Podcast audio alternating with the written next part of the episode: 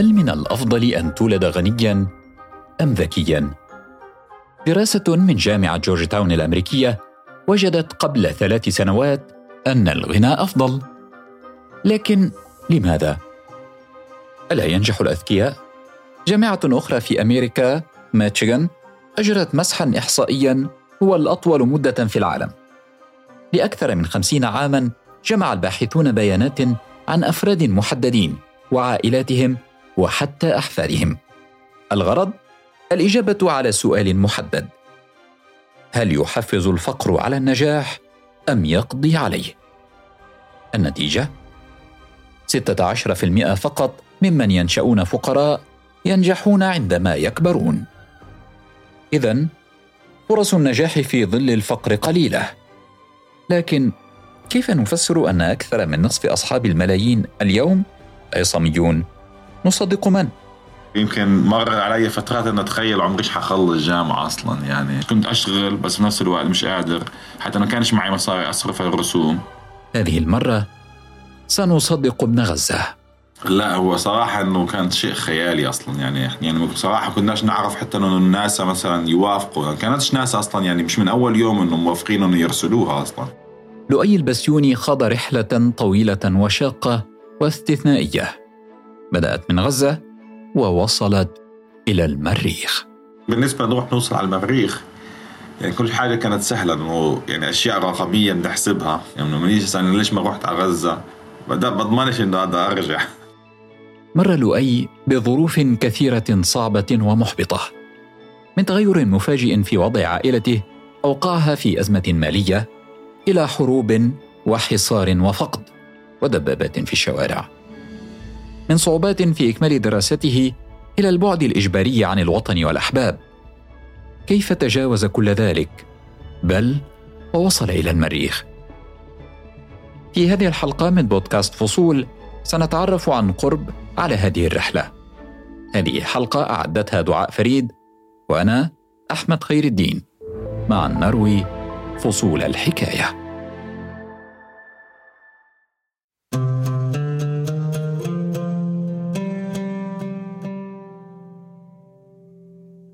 في 1948 حرب شردت آلاف الفلسطينيين. Day by day, the Palestine problem looms larger on the agenda of the United Nations Security Council meeting at Lake Success. وفي العام ذاته ولد أبو لؤي. بتذكر كيف دائما كنا نزرع بطيخ. بعرفش هيك عندنا علاقة في البطيخ لأنه بابا كان يحكي لنا هو كان صغير بعمرنا كان دائما يزرع بطيخ لأنه كان بابا يعني مواليد ال 48 ف كانش كان معظم الشجر بتحنون رايح فكانوا يزرعوا بطيخ. كان يحكي لنا على البطيخ الكبير اللي يزرعوه. المزارع كبر وصار طبيبا.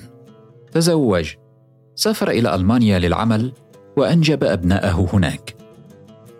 في منتصف الثمانينيات كانت الأمور مستقرة بل ومزدهرة. وظيفة بيت جديد سيارة جديدة. فكر الأب ربما حان وقت زيارة غزة.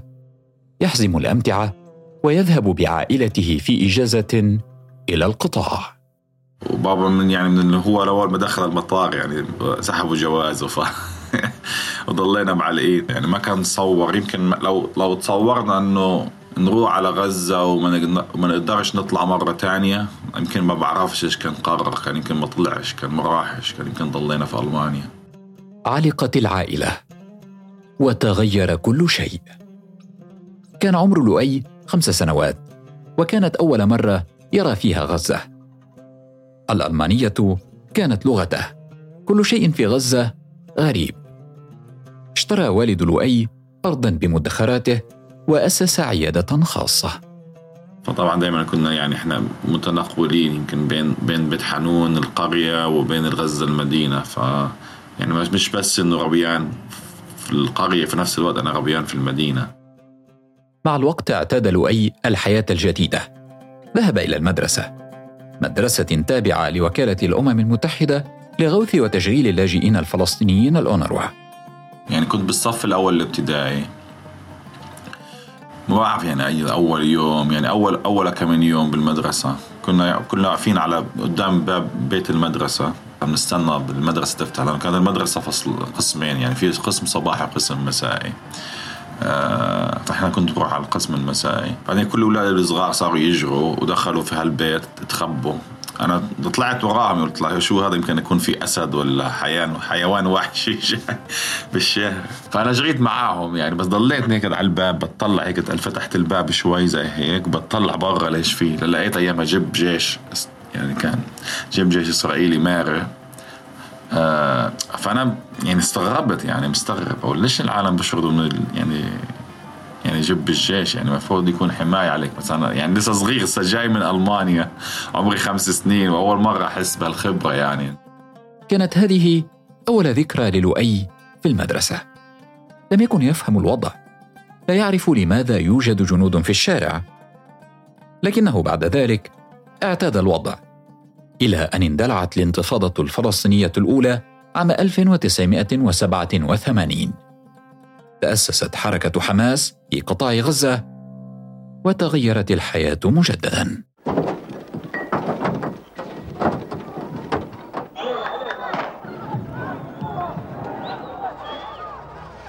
يعني بتذكر عنا باب العيادة كانوا أيام مسكرين الشارع كان الشارع مسكر كان يحطوا براميل ويصبوا فيها البطون يسكروا عشان الأولاد ما يروحوش يحتفوا حجار على فبتذكر الأشياء هذه يعني إنه كيف كانوا واحد بتغلب ونلف اللفة كلها بس عشان عشان الشارع مسكر يكون. استمرت الانتفاضة ست سنوات. لم يعد لؤي يستغرب الوضع. صار مشهد العربات العسكرية مألوفا. لكن وضع العائلة المادي يختنق أكثر. زادت الديون. اضطر هو وإخوته إلى العمل. صار لؤي مزارعا صغيرا. يعني كثير كنا نشتغل في الأرض يعني. أنا كنت بحب الزراعة فصراحة يعني إنه أحب هيك بحب أعمل إشي هيك يطلع أو تخترع حاجة أو تصنع حاجة وتجرب حاجة. فدائما كنت يعني أصلح كل إشي أنا عندنا آه يعني بتذكر مرة صلحت رش موتور الرش تبع الأرض كان خربان له ثلاث أربع سنين. والكل بده مش عارف 250 دولار يصلحه فقررت لحالي أفك وأصلحه بدون ما حد يعرف في السر. كبر لؤي وصار مراهقا. كان والده يشجع أبنائه على الدراسة في الخارج. التخصصات الموجودة في غزة محدودة. كان الوضع غزة أيام ما طلعت يعني أنا سنة 98 يعني كان وضع سلام. كانت يعني وضع غزة يعني يعني كان منيح كتير أحسن من اليوم يعني كان في حركة يعني الواحد يطلع وينزل. فطبعا السبب إنه يعني الواحد إنه يتعلم بجامعة منيحة و فهذا هو السبب يعني كنت أفكر أروح أدرس في ألمانيا تعرف عشان الواحد مولود هناك. فطبعا كنت أفكر أروح أدرس هناك فقعدت أدرس إنجليزي وقعدت أدرس ألماني. فبابا قال لي لازم تدرس أنت بالإنجليزي تدرس أحسن من الألماني يعني لغة عالمية. قرر لؤي السفر إلى أمريكا. كان قرارا كبيرا لم يعرف حجمه وقتها. والله فاكر فاكر كل حاجة صوره ماما هي ورانا آه والله يعني متذكر إنه أنا كنت كتير فرحان يعني إنه طالع تعرف الواحد يعني 18 18 سنة ولا 19 سنة لسه. و يا حماس وبده يطلع من عند أهله وبده ياخذ حريته. ورايح على أمريكا. خلص كل مشاكل الدنيا انحلت قدامه. يعني مبسوط في نفس الوقت يعني يعني حزين مفارقة أهله وأرضه. آه أنا كثير يعني متعلق صراحة بالأرض عندنا كنت. سجل له أحد معارف والده في الجامعة. كان عازما على دراسة هندسة الكهرباء لشغفه بتصليح الأشياء. أنا أصلا طول عمري بدي أعمل شركة في مجال تبعي يعني في مجال الإلكترونيات مجال الفضاء يعني هيك كنت بفكر يعني ما بدي أعمل بس business أو أفتح محل بيتزا ولا زي معظم الشغل اللي بيعملوه المهاجرين لأمريكا. لا أنا والله نفسي هيك أعمل حاجة زي كنت كنت دائما أفكر هيك ده بعيد أعمل شركة كبيرة هيك كنت أفكر حالي حطلع إيلون ماسك وقبل ما يصير إيلون ماسك أصلا. بدأ لوي الدراسة. اصطدم بالواقع الصعب. يعني أول سنتين كثير تصعبت لأنه كنت أشتغل وأدرس. يمكن مر علي فترات إنه أتخيل عمري حخلص جامعة أصلا يعني إنه اللي ساعدنا بالنعمل القبول يعني يعني عمل عمل أمريكا إنه حاجة سهلة قوي يعني على الآخر. إنه ما فواحد وصل طبعا بديت أشتغل كنت أشتغل تقريبا 80 90 100 ساعة بالأسبوع يعني عن يعني يمكن اخذ بتذكر 105 110 ساعات أكثر أسبوع اشتغلته. اشتغلت بمطعم سندوتشات بعمل سندوتشات. بعدين رحت اشتغلت بمطعم محلات بيتزا. كنت اوصل اشتريت سيارة أول سيارة أشتريها وقعدت أشتغل اوصل بيتزا. وبعدين رحت اشتغلت في مطعم. بعدين قلت لا بدي أشتغل حاجة لها علاقة. فاشتغلت في محل اسمه ريتيو شاك. كنت ببيعوا إلكترونيات وحاجات زي هيك. قلت يلا الواحد بتعلم هيك أقرب للهندسة تاعته. فطبعا كثير حاجات اشتغلتها. تنقل لؤي بين ولايات وجامعات عدة من كنتاكي لبنسلفانيا لكنتاكي مرة أخرى. بس أيام طلع كنت مقدم من غزة على في جامعة بنسلفانيا. كانوا عاملين رسوم مخفضة لأهل غزة. فرحت هناك درست فصل بس كانت في منطقة نائية يعني. فرجعت حولت على جامعة كنتاكي ودرست جامعة كنتاكي سنتين. يعني الواحد يعني صراحة ما عنده عندوش حياة. يعني كانت أشوف الحاجات بس يعني أوصل البيتزا للناس اللي بحت... اللي سهرانين وعايشين حياة الجامعية تاعتهم. أنا كنت بشتغل يعني. كان لؤي يتخطى العقبة تلو الأخرى في أمريكا وفي غزة أيضا. اندلعت الانتفاضة الفلسطينية الثانية في عام 2000 صارت أرض العائلة الزراعية مسرحا للعمليات العسكرية. جرفت الأرض التي كان مدخولها يؤمن له بعضا من قسطه الدراسي. بعد عام واحد تعرضت الولايات المتحدة الأمريكية لهجوم الحادي عشر من سبتمبر. سيدفع هذا الحادث الإرهابي إلى مزيد من التشدد والإجراءات الأمنية. وصار 9/11 وتغيرت القوانين وصارت حتى يعني الجامعات تشدد يعني لازم تروع غزة أنت عشان ترجع على الجامعة تعمل فيزا. فكان كتير صعب الوضع. يعني ما يعني أحبطت يعني أحبطت من ناحية قانونية لأنه مش عارف كيف أروع غزة. إذا روعت غزة مستحيل أطلع. كثرت عليه الديون. اضطر إلى أن يترك الجامعة لمدة عام ليعمل ويسدد ديونه. سددها بصعوبة. كان مصرا على استكمال دراسته. سجل في جامعة لويفيل. كنت زي زي حاسس إني يعني عامل وعد لبابا إنه خلص حتى لو حتى بدي اعمل حتى نقول بدي أشتغل تجارة وأعمل business إنه لازم أخلص دراستي. لأنه هذا الهدف اللي جيت عليه وطبعا يعني وبابا يعني كثير يعني بابا وماما حطوا حالهم في كثير مواقف صعبة عشان يخلوا حياتنا أحسن إحنا. فكانوا يحرموا حالهم من حاجات كتير. يعني ماما باعت كل ذهبها يمكن يعني ما ضلش عندها شيء هلا اليوم بس إنه ايامها كانت تساعدنا بالجامعة وتساعد إخوتي أو شيء مثل هيك. كان هذا هو الهدف الأسمى أمام عينيه وقلت لازم هيك أركز أنا أركز لأنه بدي لأنه هلا سوق الهندسة حيكونوا صعبين. فأنا إيش قررت؟ أحوش مصاري. ويعني بابا ساعدني إنه أدرس أو على الأقل أدرس فصل كامل بدون ما أشتغل. لأنه بدي أجيب علامات عالية. حاولت ضليتني ادرس أدرس وبنيت علاقتي كويسة بالجامعة. وقدمت على يعني هي منحه جزئية. طلع لي 3000 دولار يعني غطوا الفصل الصيفي. أخيرا اقتربت رحلة دراسته من نهايتها. الإصرار والعزيمة يدفعان لؤي إلى الأمام لكن طاقته تضعف أحيانا. آخر سنة السنة الرابعة بالجامعة كانت كتير صعبة لأنه صراحة كنتش كنت اشتغل بس في نفس الوقت مش قادر حتى ما كانش معي مصاري أصرف الرسوم. ما كانش معي مصاري اشتري كتب يعني وفي نفس الوقت نخص علي مرة الرسوم واحد بروفيسور فلسطيني والله ساعدني دفعها. وطبعا لحد ما خلصت. بعدين الماجستير طلعت لي طلعت لي منحة فكملت الماجستير على المنحة أنا. تخرج لؤي وبدأ فصلا جديدا في رحلته. الأمور يعني صعبة حتى تلاقي شغل لأنه خصوصا إني كنت أجنبي. ف يعني كنت أحب كثير الحاجات اللي لها علاقة بال بال بال environment آه بالطبيعة. فطبعا يعني كنت مقرر إني أشتغل بحاجات لها علاقة بال بال renewable أو بالطاقة البديلة. فكتير كنت مصر إنه بس أشتغل يا مجال طاقة الرياح أو الكهرباء أو طيارات كهربائيه أو سيارات كهربائية. عمل لؤي في البداية مع شركات صغيرة متخصصة في كهرباء السيارات وظل يتنقل شيئا فشيئا إلى شركات أكبر. وبينما كانت حياته المهنية تتقدم في أمريكا شيئا فشيئا كان الوضع في غزة يزداد اختناقا. والنتيجة؟ لم يرى لؤي أبويه لاثني عشر عاماً. على الوقت هذا حتى نبطل واحد إنه مثلا زي مشتاق لغزة ما هو مشتاق لأهله يعني. يعني مش عشان حتى نفسه يعني هو نفسه يشوف أهله إنه يعني نفسي أهلي يشوفوني. ظل يعمل أكثر. عمل مع شركة تصنع سيارات وطائرات كهربائية. تنقل وتدرج وظيفيا إلى أن وصل إلى ناسا. يا هم ناسا يعني بيشتغلوا. يعني هم كل شغل ناسا تقريبا subcontracting يعني هم ناسا آه يعني ناسا هي تقريبا إحنا بالعربي يعني زي وزارة الفضاء. يعني ما بيعملوش يعني هم بس بكتبوا الأوراق.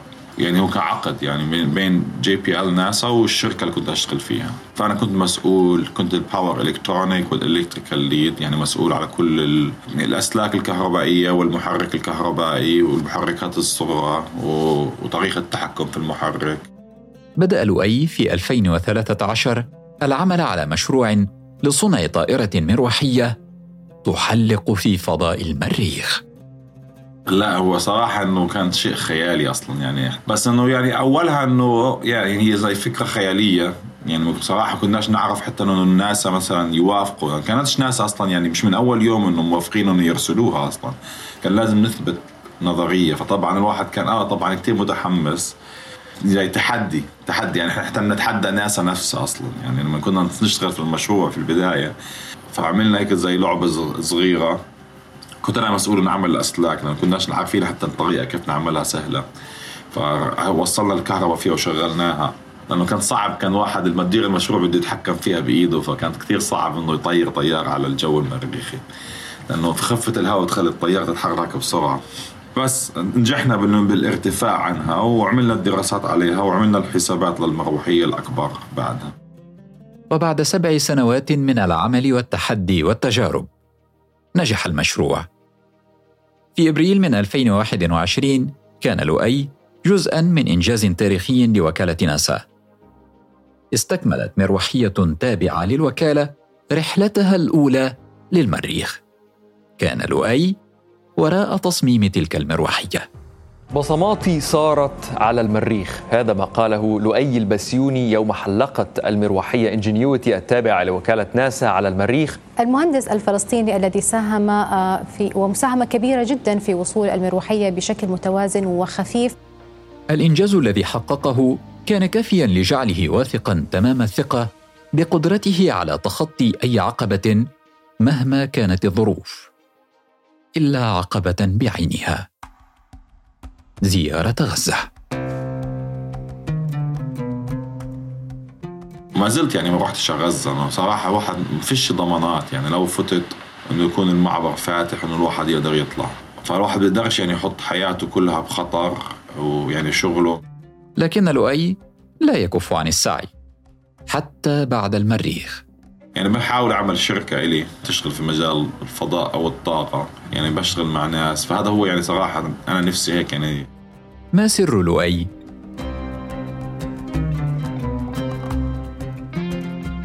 دراسات النجاح تقول إن له شروطا. أغلبها لم يتوفر للؤي. فكيف يدلل الصعوبات وينجح؟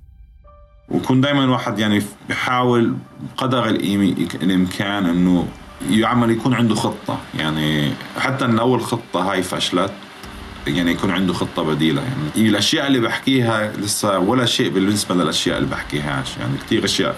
يعني لو ما نجحتش مثلا يخلص الجامعة وكان اشتغلت بناسا كان يمكن عملت حاجة تانية. لأنه كان دائما في مخططات إنه الواحد لو يعني ما لو فشلت بهاي الشغلة كان عملت هاي الشغلة. يعني حتى بالجامعة يعني كنت طمنت. اذا السر في الخطة والهدف. الناجحون يأتون من شتى الأماكن والظروف وعلى اختلاف التفاصيل لديهم شيء مشترك.